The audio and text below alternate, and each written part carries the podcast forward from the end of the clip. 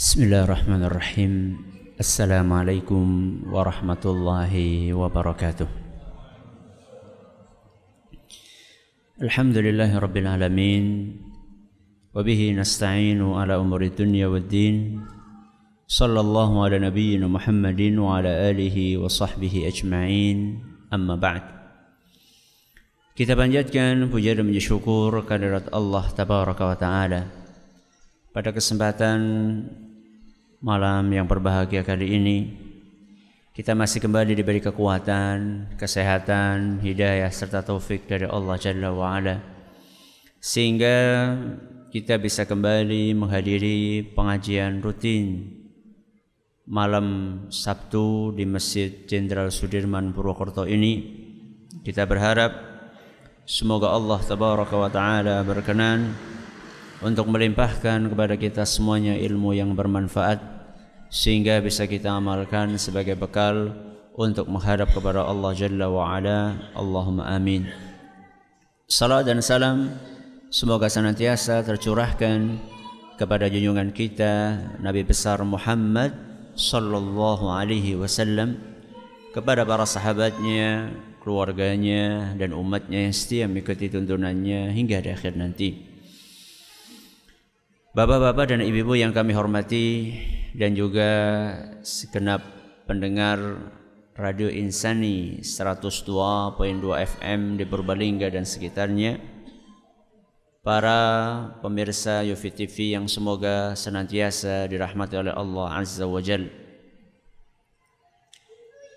kepada yang merasa anaknya lepas ya kepada yang membawa anak dan merasa anaknya lepas harap dipegang kembali ya. Yang merasa bawa anak dan anaknya lepas mohon dicari jangan dibiarkan hilang.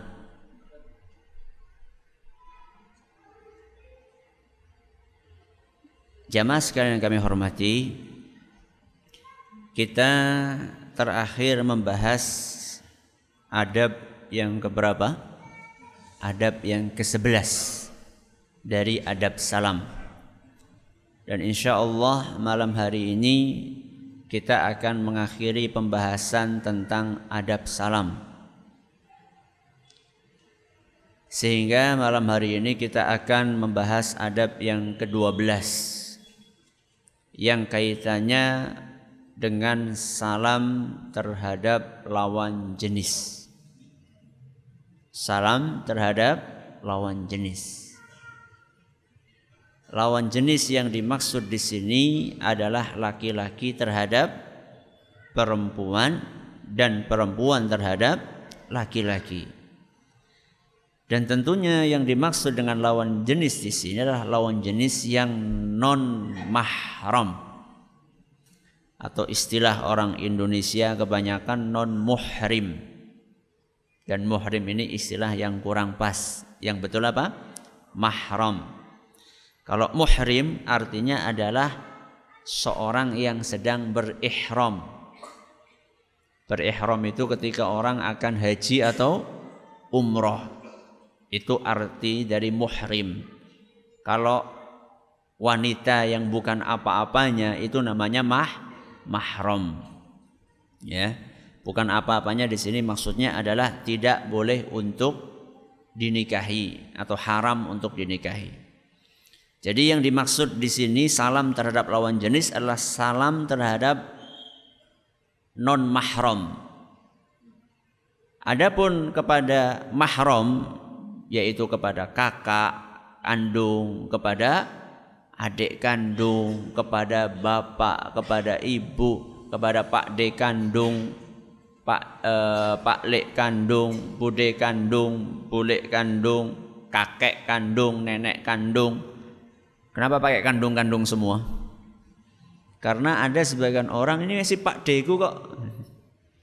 Pak D mana? Pak D jauh. Itu bukan mahram, ya, bukan mahram. Ini masih kakakku kok kakak dari mana? Ya pokoknya kalau di runtut-runtut ketemu buyut lah. Ya itu bukan mahram itu. Ya. Jadi yang kita bahas di sini adalah salam kepada lawan jenis yang bukan mahram. Kalau mahram tidak ada masalah. Kalau mahram tidak ada masalah. Apa hukumnya mengucapkan salam kepada lawan jenis? Sebelum kita membahas hukum salam terhadap lawan jenis, perlu kita ketahui bahwa Islam itu adalah agama yang sangat memperhatikan tindakan preventif. Apa preventif? Pencegahan. Islam adalah agama yang sangat memperhatikan sesuatu namanya pencegahan. Sehingga sebelum terjadi sudah dicegah terlebih dahulu. Maka kalau kita perhatikan contohnya nih ya, contohnya. Kalau kita perhatikan dalam Al-Qur'an tidak kita temukan ayat yang bunyinya jangan berzina. Tapi kita temukan ayat bunyinya jangan mendekati zina. La taqrabu zina, jangan mendekati zina. Kenapa? Berarti zinanya boleh? Ya enggak, mendekat saja enggak boleh. Itu semuanya adalah tindakan preventif. Ya. Makanya berdua-duaan dalam agama kita itu dilarang. Maksudnya berdua-duaan laki-laki perempuan yang bukan mahramnya. Nabi SAW mengatakan kalau ada laki-laki perempuan berduaan pasti yang ketiga setan. Makanya kalau sudah berdua-duaan pikirannya ngeres. Kok tahu Ustadz? Katanya. Karena dulu ketika saya di pondok gak ada perempuannya. Ketika saya di pondok dulu ya dipisah antara santri putra dengan santri putri dipisah dengan jarak 100 km bukan 100 meter 100 km ya. pondok putranya di Ponorogo pondok putrinya di Ngawi ya. jauh banget ya. jadi di dalam agama kita itu ada namanya tindakan preventif dan perlu kita sadari jamaah sekalian kami hormati bahwa godaan terbesar yang sangat ditakutkan oleh Nabi SAW salah satunya lawan jenis. Godaan terbesar. Makanya Rasulullah SAW mengatakan ma taraktu fitnatan ashadda uh, ma taraktu fitnatan ba'di ashadda 'ala rijali minan nisa. Saya tidak meninggalkan setelahku sepeninggalku sebuah ujian, sebuah cobaan yang lebih berat buat kaum pria dibandingkan wanita. Alias ujian terberat laki-laki adalah perempuan. Makanya tidak sedikit orang-orang yang tahan untuk tidak korupsi akan tetapi belum tentu tahan ketika digoda wanita. Dia bisa nahan, suap bisa dia tahan. Tapi lihat dulu suapnya apa. Kalau suapnya duit, no. Nah, no way. Kalau suapnya wanita, why not? Kebalik nanti. Nauzubillah min makanya ngeri, ya. Nah, Islam ini mencegah itu semuanya. Walaupun kadang-kadang niatnya baik, salam itu berpahala enggak? Berpahala sekali. Salam itu berpahala. Bahkan kita sudah membahas bahwa memulai salam hukumnya sunnah, menjawab salam hukumnya wajib, berpahala. Akan tetapi kalau misalnya nih yang salam sama kita wanita, wanitanya masih muda, cantik lagi. Suaranya wanita itu kan lembut. Ya. Apa-apanya lembut wanita, walaupun dia apa-apanya halus, walaupun bukan makhluk halus. Ya. Apa-apanya halus, lembut suaranya wanita. Apalagi yang disalami bujangan. Dengar suaranya wanita. Lewat telepon saja. Kelepek-kelepek gitu. Ya. Loh, terus bagaimana Ustaz? Salam kepada lain jenis itu boleh apa tidak sebenarnya Ustaz? Saya akan membahas hukum asal. Hukum asal. Setelah nanti kita selesai membahas hukum asal, ada pengecualian. Jadi bedakan antara kita membicarakan hukum asal dengan pengecualian. Ya. Contoh misalnya, hukum asalnya orang masuk ke rumah ini nggak boleh kecuali. Ya. Contoh, hukum asalnya masuk ke ruang ICU ya ke ruang ICU tidak boleh, hukum asalnya tidak boleh kecuali sama hukum asalnya salam kepada lain jenis ada kecuali dalam beberapa kondisi. Hukum asalnya apa Ustadz? Hukum asalnya mengucapkan salam kepada lain jenis boleh.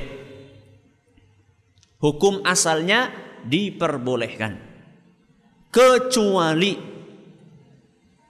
manakala ada sesuatu yang membuat itu menjadi terlarang.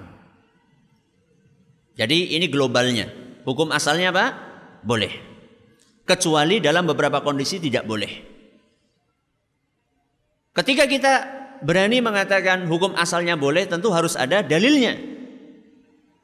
Boleh itu laki-laki ke perempuan apa perempuan ke laki-laki Ustaz?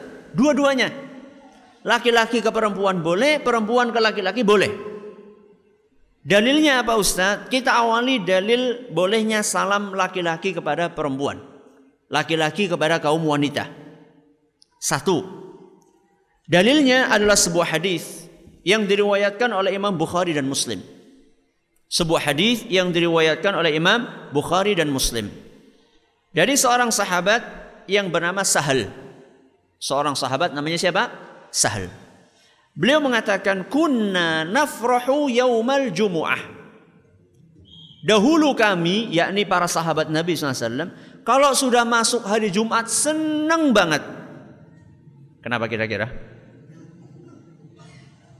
Beliau bercerita karena setiap hari Jumat ada seorang nenek-nenek ada seorang nenek-nenek yang setiap datang hari Jumat selalu dia itu pergi ke kebun, kemudian ngambil ubi di kebun dia, terus dia rebus, kemudian dia bikin bikin makanan-makanan yang lainnya. Setiap hari Jumat wanita tua ini pergi ke kebun, beduli, kalau bahasa kita bolet ya. Tapi kayaknya bolet di sana nggak ada. Pokoknya ubi lah, nggak tahu ubi apa ya. Mereka eh, si wanita itu, wanita tua itu, nenek-nenek itu ngambil ubi, direbus, kemudian setelah itu kami kata mereka, yaitu para sahabat Nabi Shallallahu Alaihi Wasallam, nusallimu alaiha.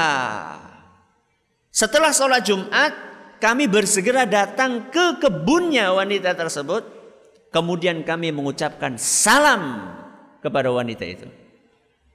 Yang mengucapkan salam laki-laki apa perempuan? Laki-laki. Yang disalami wanita. Ya. Kemudian setelah itu fatuqaddimuhu ilaina fanafrah min ajrihi. Kemudian setelah kami salam kepada wanita tua tersebut, maka wanita itu kemudian menyuguhkan kepada kami ubi yang sudah matang tadi sambil setelah itu kita makan bersama-sama. Hadis riwayat Bukhari dan Muslim. Ini laki-laki salam kepada wanita. Mungkin ada yang bertanya, Ustadz, ya, itu kan bukan Nabi yang mengucapkan salam. Tadi siapa? Para sahabat Nabi. Kalau ada yang bertanya seperti itu berarti cermat. Ada yang bertanya nggak tadi? Saya pancing baru. Dalilnya Ustaz, Nabi salam kepada wanita. Ada nggak? Ada. Di dalam sebuah hadis yang diriwayatkan oleh Imam Abu Dawud.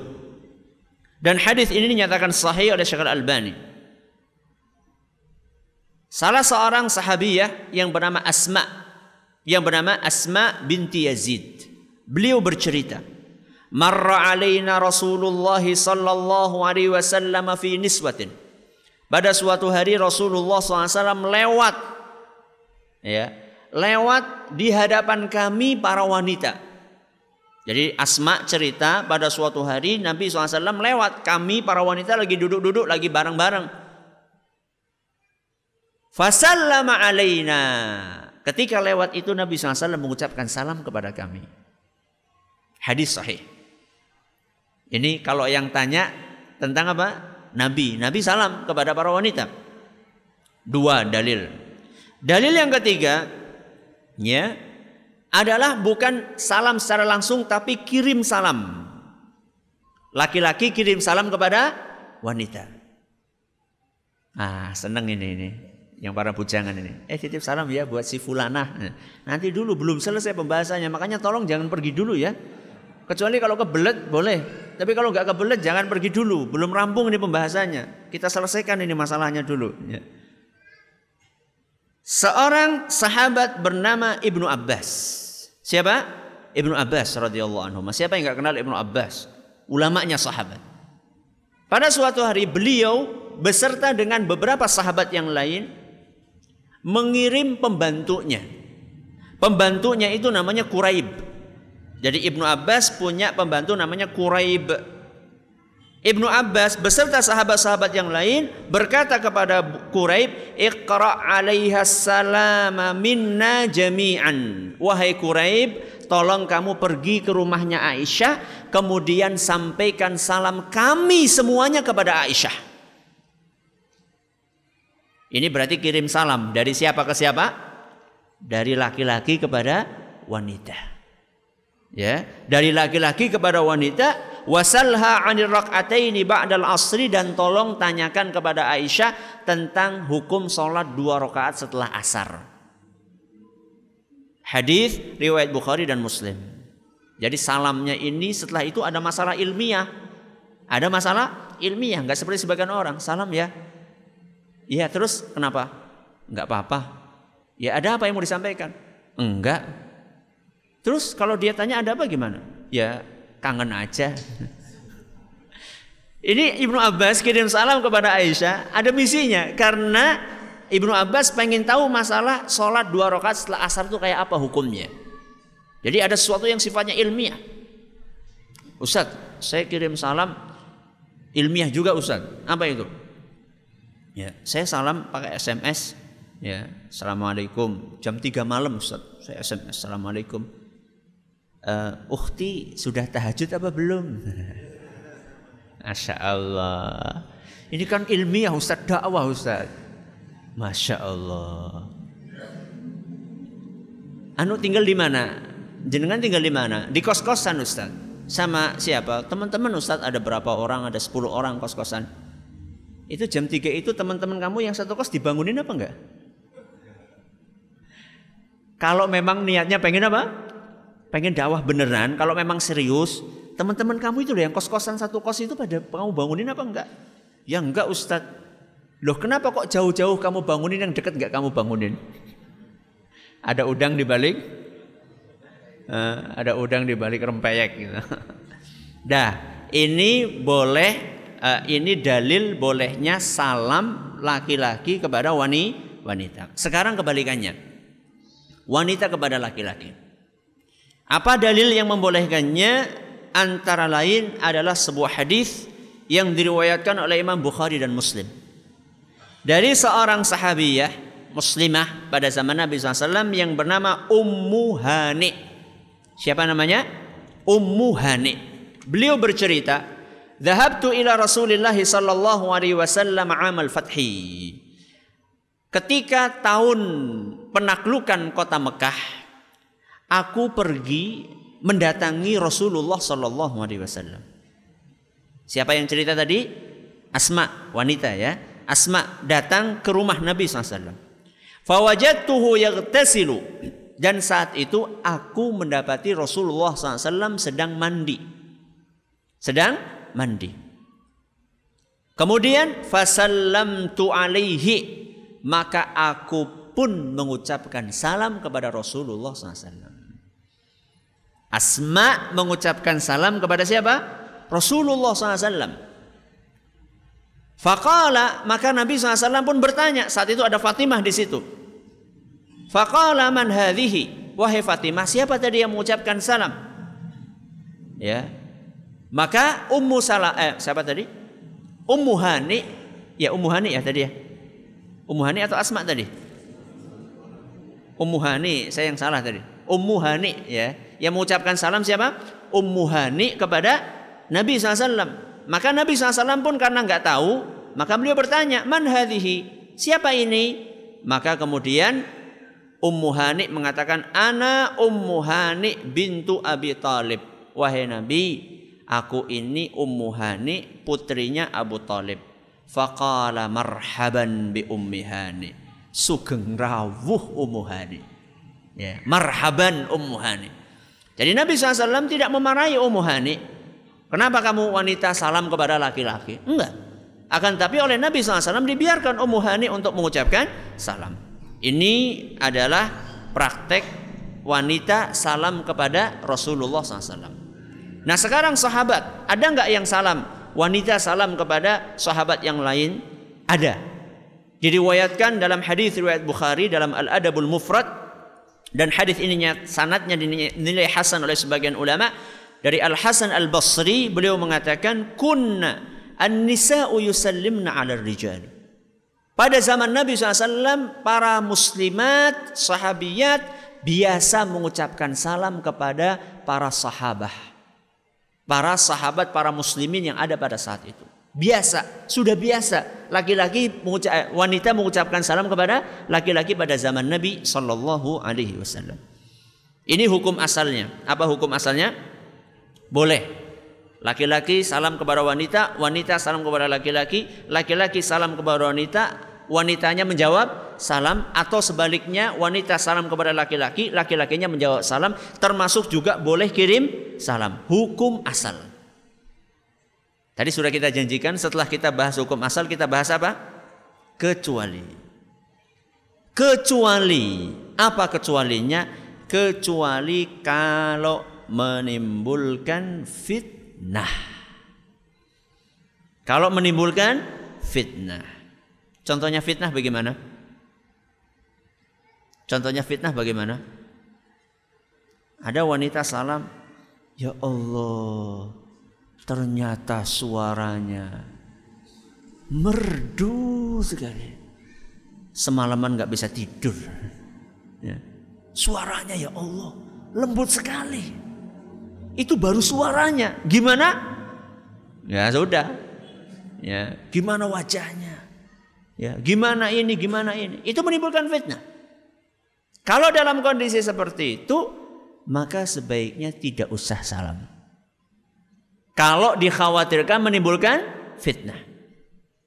Makanya sebagian ulama seperti Imam Malik contohnya, beliau pernah ditanya, apakah boleh mengucapkan salam kepada wanita? Kata Imam Malik, kalau misalnya wanita itu sudah tua, sudah nenek-nenek, maka tidak apa-apa. Tapi kalau wanita itu masih muda, maka jangan. Aduh Ustaz, biasanya salam mbak-mbak, salam mbah-mbah ya. Justru di sinilah akan diuji keikhlasan kita. Ayo yang biasa salam kepada mbak-mbak, Coba kalau ketemu mbah-mbah salam apa enggak? Ya. Ya usah mbah-mbah ya disalami. Justru itu yang disebutkan para ulama. Kalau memang betul-betul mau salam tulus ikhlas, salam sama mbah-mbah coba. Sama nenek-nenek nun sewu, maaf ya, yang jalannya sudah bungku, kemudian pipinya sudah meyot, jawabnya sudah gemeteran, nggak jelas lagi. Waalaikumsalam, Nek. sudah suaranya udah nggak nggak menarik lagi. Kata Imam Malik, iya. Kalau misalnya wanita itu uh, apa? Wanita itu sudah tua, tidak apa-apa. Tapi kalau wanita itu masih muda, jangan, kata Imam Malik. Imam Malik emang nggak tahu hadis-hadis tadi, tahu. Akan tetapi beliau lebih cermat pemahamannya dan beliau sangat khawatir andaikan itu dibiarkan begitu saja, nanti orang-orang akan semaunya sendiri mengucapkan salam. Makanya sama beliau dibatasi. Makanya sama beliau di, dibatasi. Contoh yang lain, ya. Ada seorang ulama yang e, bernama e, Imam Ahmad, sama juga perkataannya kayak Imam Malik, ya. Sama kayak tadi kalau misalnya e, tua, ya. Kalau misalnya tua maka jangan. Kemudian juga di antara yang menimbulkan fitnah juga adalah kalau misalnya wanita itu cantik. Wanita itu cantik.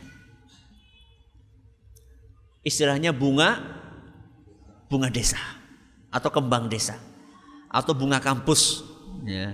Ini kayaknya banyak mahasiswa di sini. Ya. Bunga kampus terkenal di kampus. Setiap orang titip salam terus. Setiap hari salamnya ada 10 gitu. Ada bukan bunga kampus ya, yang nggak terlalu cantik lah. Kalau kalau cantik bunga kampus, kalau nggak cantik apa? nggak ada istilahnya ya nggak ada alhamdulillah ya. Ini ini yang satunya padahal itu duduknya sebangku itu. Ya, sama yang cantik sama yang tidak gitu. Yang cantik sama yang tidak cantik duduknya satu bangku. Yang cantik itu sehari dapat 10 salam. Yang ini yang kurang cantik ini sebulan satu satu pun gak ada yang kirim salam. ini kan mencurigakan. Ada apa ini? Kenapa kok yang disalami yang cantik saja? Padahal ini sama-sama muslimah, ini juga muslimah. Ya. Ini sama-sama muslimah, sama-sama muslimah, sama-sama rajin beribadah, sama-sama rajin beribadah. Alhamdulillah. Kenapa yang ini yang disalami, yang ini tidak? Makanya seperti yang saya katakan tadi, ada udang di balik batu. Sama juga, laki-laki ganteng juga sama. Laki-laki ganteng ini setiap hari dapat salam terus. Padahal dia boncengan sama temennya yang kurang ganteng. Ya, jangan jelek lah. Jelek itu agak gimana gitu, kurang ganteng lah. Yang depan ganteng, yang di belakang kurang ganteng. Yang disalami cuma yang di depan terus, yang di belakang kasihan. Pegangan di belakangnya nggak ada yang nyalami. Ustaz, kalau misalnya yang disalami Ustadz gimana Ustadz? Ada sebagian uh, guru saya di pondok, ya pernah uh, mengatakan, ya pernah mengatakan kepada cerita di hadapan kami santri-santrinya kiai kami di pondok cerita sama kami. Beliau punya uh, pondok untuk putri, ya, punya pondok untuk putri. Beliau itu ketika misalnya lagi inspeksi gitu, pada salam, assalamualaikum Ustaz, Ustaz, assalamualaikum. Pada pengen minta salaman. Ustaz kan tidak apa-apa Ustaz, ini kan kami kan anak-anak Ustaz. Kami kan anak-anak Ustaz, kami kan santri-santri Ustaz. Apa kata Ustaznya? Iya kalian, saya kan laki-laki katanya. Ustadz juga manu, manusia. Jadi jangan sampai dipikir bahwasanya ah nggak apa-apa loh. Ustadz itu kan orang yang bertakwa. Yang namanya orang bertakwa itu tetap aja ada go godaan. Makanya dahulu para ulama kita mereka menjelaskan kalau bisa ya kalau bisa yang namanya mengajarkan Al-Qur'an kalau bisa itu ya yang mengajar wanita kalau santriwati ya yang ngajar siapa? Ustazah. Ya, kalau bisa seperti itu diusahakan. Kenapa? Karena bisa jadi itu pintu awal untuk masuk godaan se setan. Coba sekarang baca Al-Qur'an. Baca Al-Qur'an itu kan harus belajar makhraj. Makhraj itu kan keluarnya huruf. Huruf itu keluarnya di mana?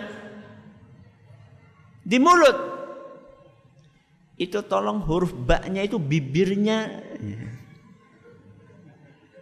Coba gimana coba? Ya. Ada sepuluh misalnya yang diajar sepuluh. Sepuluh santriwati misalnya. Ayo bibir yang sebelah sana. Coba lidahnya agak dikeluarin dikit. Astagfirullah. Gimana coba bayangkan? Makanya maaf ya maaf ini. Sering terjadi kasus ya kasus pagar makan tanaman ya. Dan ini terjadi bukan bukan hanya di sekolah umum kadang-kadang juga terjadi di sekolah agama. Entah itu pesantren entah itu madrasah. Terjadi kasus-kasus pagar makan tanaman salah satu pemicunya adalah tadi itu. Makanya kadang-kadang kalau ada orang datang ke rumah Ustadz saya pengen dirukyah misalnya dirukyah itu perempuan saya katakan mana suaminya, mana kakaknya, mana adiknya, atau mana bapaknya. Kalau enggak, enggak mau saya. Ya. Mungkin ada yang mengatakan, loh Ustadz, masa sih Ustadz mau macam-macam? Iya mungkin pertama enggak macam-macam. Yang kedua, ya. yang ketiga, yang keempat. Makanya biasanya kalau ada orang datang ke rumah minta ya, makanya sudah sekali saja sudah. Bok kemaningan kok. Jadi bukan bukannya saya nggak mau, akan tetapi fitnah. Ya. Yang namanya laki-laki sekuat apa pun keimanannya ya kecuali orang-orang yang memang dijaga sama Allah Subhanahu wa taala seperti siapa? Seperti Nabi Muhammad SAW, para nabi, para rasul. Mereka memang maksum. Mereka memang dilindungi sama Allah Subhanahu wa taala. Nah, kayak kita-kita ini jaminannya mana? Ya, jaminannya mana? Ustadz, ustadznya udah, ustadz saya sudah tua. Ya namanya ustadz walaupun sudah tua, justru kalau tua itu kadang-kadang mereka mengalami masa puber kedua. Gini buatan Pak? Oke, tenan toh. Bener. Ya siapa bilang kalau sudah tua itu nggak ada maaf nggak ada nafsunya? Ya ada. Makanya ada istilah tua-tua keladi. Semakin tua semakin menjadi. Jadi pokoknya kalau memang di, di, dikhawatirkan menimbulkan fitnah maka tidak. Makanya ada sebagian ulama eh, sampai seperti Imam Nawawi dalam kitab beliau Al-Adhkar, beliau menukil dari ulama Syafi'iyah, bahkan seandainya seorang itu takut terjerumus kepada fitnah, ada orang salam sama dia tidak dijawab nggak apa-apa. Tidak dijawab nggak apa-apa. Padahal kita sudah bahas tadi dan sudah lama kita bahas hukum menjawab salam apa? Wajib. Ya.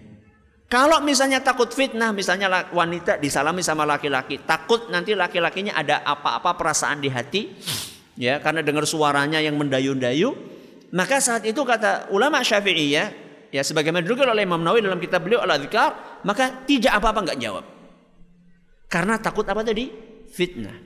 Ada sebuah kaidah penting di dalam agama kita yang mengatakan darul mafasidi muqaddamun ala jalbil masalih yang artinya menghindari kerusakan lebih didahulukan daripada mendatangkan kebaikan. Jadi kita menghindari sesuatu yang bisa merusak itu harus didahulukan sebelum kita mendatangkan sesuatu yang namanya kebaikan. Contoh tadi, menjawab salam pahala atau bukan? Pahala. Terfitnah itu do, dosa. Menghindarkan diri dari dosa lebih didahulukan daripada mencari pa, pahala. Dengan seperti ini kita e, menyelesaikan pembahasan tentang adab-adab salam. Berapa adab berarti? Ada 11 adab, eh berapa? 12 adab. Dan sebenarnya masih ada adab-adab yang lain, tapi karena keterbatasan ilmu kami, kemudian juga keterbatasan waktu, maka kita mencukupkan dengan membahas 11 adab, eh maaf 12 12 adab dan sebenarnya masih banyak ada adab yang lain ya. Cuman seperti yang saya katakan tadi, karena keterbatasan ilmu dan juga keterbatasan waktu eh, kita akan beralih kepada pembahasan yang lainnya pada pertemuan yang akan datang. Hanya saja di akhir pembahasan tentang adab salam ini saya ingin membahas tentang dua poin ya, tentang dua poin yang mungkin bisa kita ambil pelajarannya. Yang pertama ya, betapa sempurnanya ajaran Islam. Ini poin yang pertama betapa sempurnanya ajaran Islam. Kita selama 12 mempelajari 12 adab ini, kita akan dapatkan begitu luar biasanya Islam. Hampir seluruh masalah dibahas. Adab salam anak kecil dibahas. Masuk rumah yang enggak ada penghuninya dibahas. Salam kepada non muslim dibahas. Salam kepada wanita tadi non apa lawan jenis dibahas. Salam kepada uh, sekelompok orang yang sebagian sedang istirahat, sebagian yang tidak istirahat dibahas dalam agama kita ini. Dan masih banyak yang lainnya. Sehingga memang luar biasa ajaran Islam itu sangat sempurna. Ya. Padahal itu baru kita membahas masalah salam, belum yang lain-lainnya. Bayangan kita kan salam. Salam itu ya pembahasan kita atau bayangan banyak dari kita. Ketika kita mengawali pembahasan ini salam ya cuma mengucapkan assalamualaikum, jawab waalaikumsalam selesai. Ternyata pembahasannya luas banget. Ya. Dan ini menunjukkan bahwa ajaran Islam adalah ajaran yang sempurna. Karena sudah sempurna itu maka ndak usah ndak usah apa? Nggak usah ditambahi. Kalau ditambahi itu nanti jadinya tidak indah. Maaf, mata sempurnanya berapa? Dua. Kalau ditambahi satu di tengah gimana? Bagus apa tidak? Enggak bagus. Sesuatu yang sudah sempurna, kalau ditambahi jelek. Kalau dikurangi, jelek juga. Enggak bagus juga. Makanya di dalam agama kita itu terima apa adanya. Istilahnya itu sami'na wa atokna. Ajaran Islam itu nggak usah ditambahi, nggak usah dikurangi, nggak usah diutak-utik. Kita ini disuruh sama Allah udhulu fisilmi kafa. Masuklah ke dalam Islam secara sempurna. Kalau boleh diumpamakan Islam itu kayak rumah. Kita ini disuruh masuk ke rumah Islam.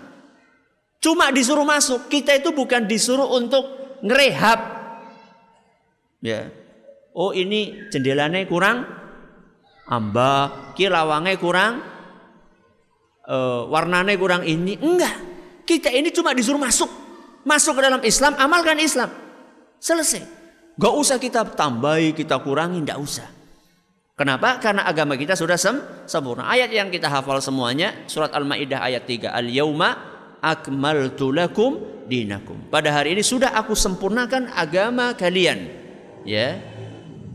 Sudah aku sempurnakan agama kalian. Makanya Imam Ibnu Abbas ketika membaca ayat ini beliau mengatakan fala yahtajuna ila ziyadatin abada sehingga kaum muslimin gak butuh tambahan sedikit pun selama-lamanya terhadap ajaran Islam ini karena Islam sudah sem sempurna. Kemudian fala yunqisu abadan dan Islam tidak akan dan tidak boleh dikurangi, tidak boleh ditambahi, tidak boleh dikurangi. Ini pelajaran yang pertama. Pelajaran yang kedua, betapa luasnya ilmu agama. Betapa luasnya ilmu agama. Kita cuma bahas masalah salam, yang cuma 12 adab ini ada yang ngitung nggak berapa dalil yang kita bawakan? Saya hitung-hitung tadi sekitar 40-an. Padahal itu baru sebagian. Itu baru sebagian yang kita bahas. Masalah salam saja ada 40 dalil. Dan saya yakin banyak di antara kita termasuk yang ngomong ya baru tahu adab salam beberapanya sekarang. Setelah ngaji baru tahu. Iya apa enggak? Iya. Banyak yang baru tahu di antara kita. Mungkin banyak di antara kita baru tahu kalau ada orang lagi ngumpul, sebagian tidur, sebagian ini. Nabi SAW cara salamnya gimana? Lirih, bisa didengar sama yang nggak tidur dan tidak ganggu orang yang sedang tidur. Itu mungkin kita baru tahu sekarang. Ya. Baru oh ternyata seperti itu ya. ya. Menjawab salam, orang kirim salam, oh ternyata jawabannya ada dua ya. Bisa wa alaikas salam, bisa wa Eh, wa alaika wa alaihi salam. Oh ternyata boleh ya seperti itu. Banyak yang kita baru tahu. Ini menunjukkan apa? Menunjukkan bahwa ilmu itu luas dan ilmu yang kita miliki itu sangat terbatas. Makanya ada seorang bijak mengatakan, barang siapa yang merasa dirinya sudah pinter, maka sesungguhnya dia ini adalah orang yang orang yang maaf bodoh alias tidak pin pinter. Barang siapa yang merasa dirinya sudah pinter berarti dia tidak pinter. Dan barang siapa yang merasa dirinya tidak pinter maka dia calon orang pinter. Orang pinter bukan dukun ya. Dia calon akan menjadi orang yang pinter. Kenapa demikian Ustaz? Karena kalau orang sudah merasa dirinya pinter, maka dia tidak merasa butuh untuk belajar. Sebaliknya orang yang merasa oh saya ternyata masih bodoh ya, ilmu saya masih sedikit, maka dia akan terus mencari ilmu. Dan jangan mau digembosi sama orang-orang yang mengatakan ngaji baik. Saben dina ngaji. Ya. Seperti maaf ada kalau saya ngisi pengajian rutin Jumat pagi jam 7 sampai jam 8 di Masjid Agung Purbalingga itu saya punya jadwal setiap satu selapan, selapan gantian gitu. Setiap Jumat ada, cuman saya jatahnya kalau saya lupa wage apa legi gitu loh.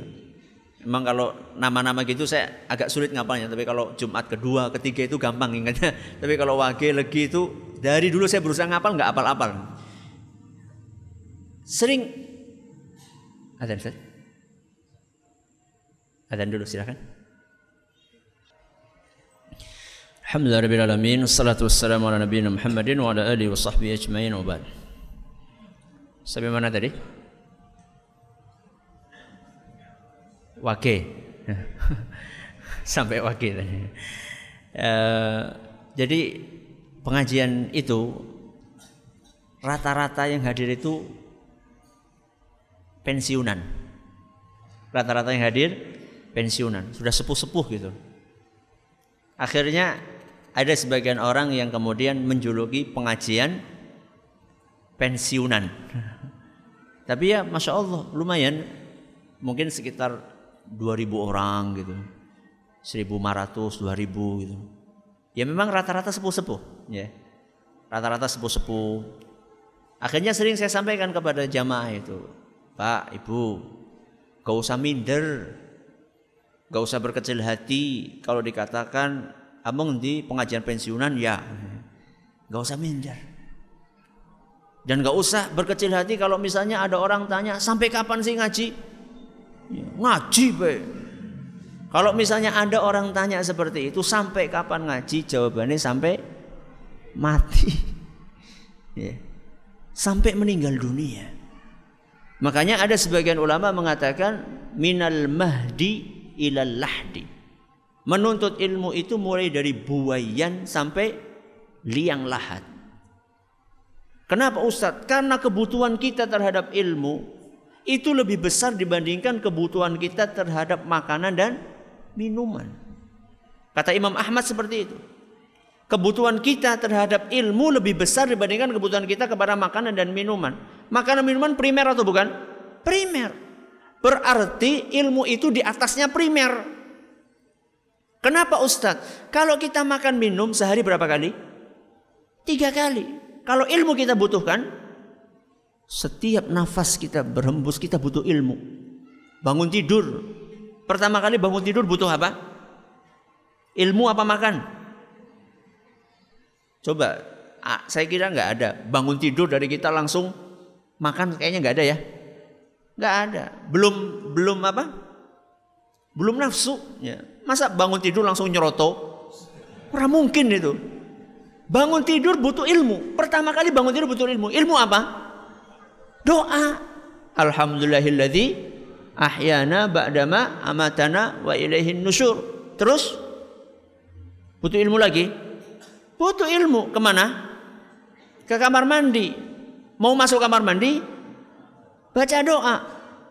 Mendahulukan kaki kiri. Kemudian setelah itu keluar mendahulukan kaki kanan baca doa lagi. Wudhu. Wudhu butuh ilmu tidak? Butuh. Sudah berapa ilmu yang kita butuhkan padahal kita baru bangun tidur.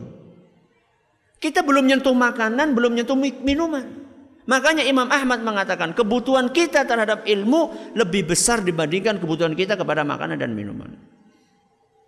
Maka monggo mari kita terus mencari ilmu agama. Terakhir saya ingin menyampaikan dua uh, satu pengumuman dan satu permohonan.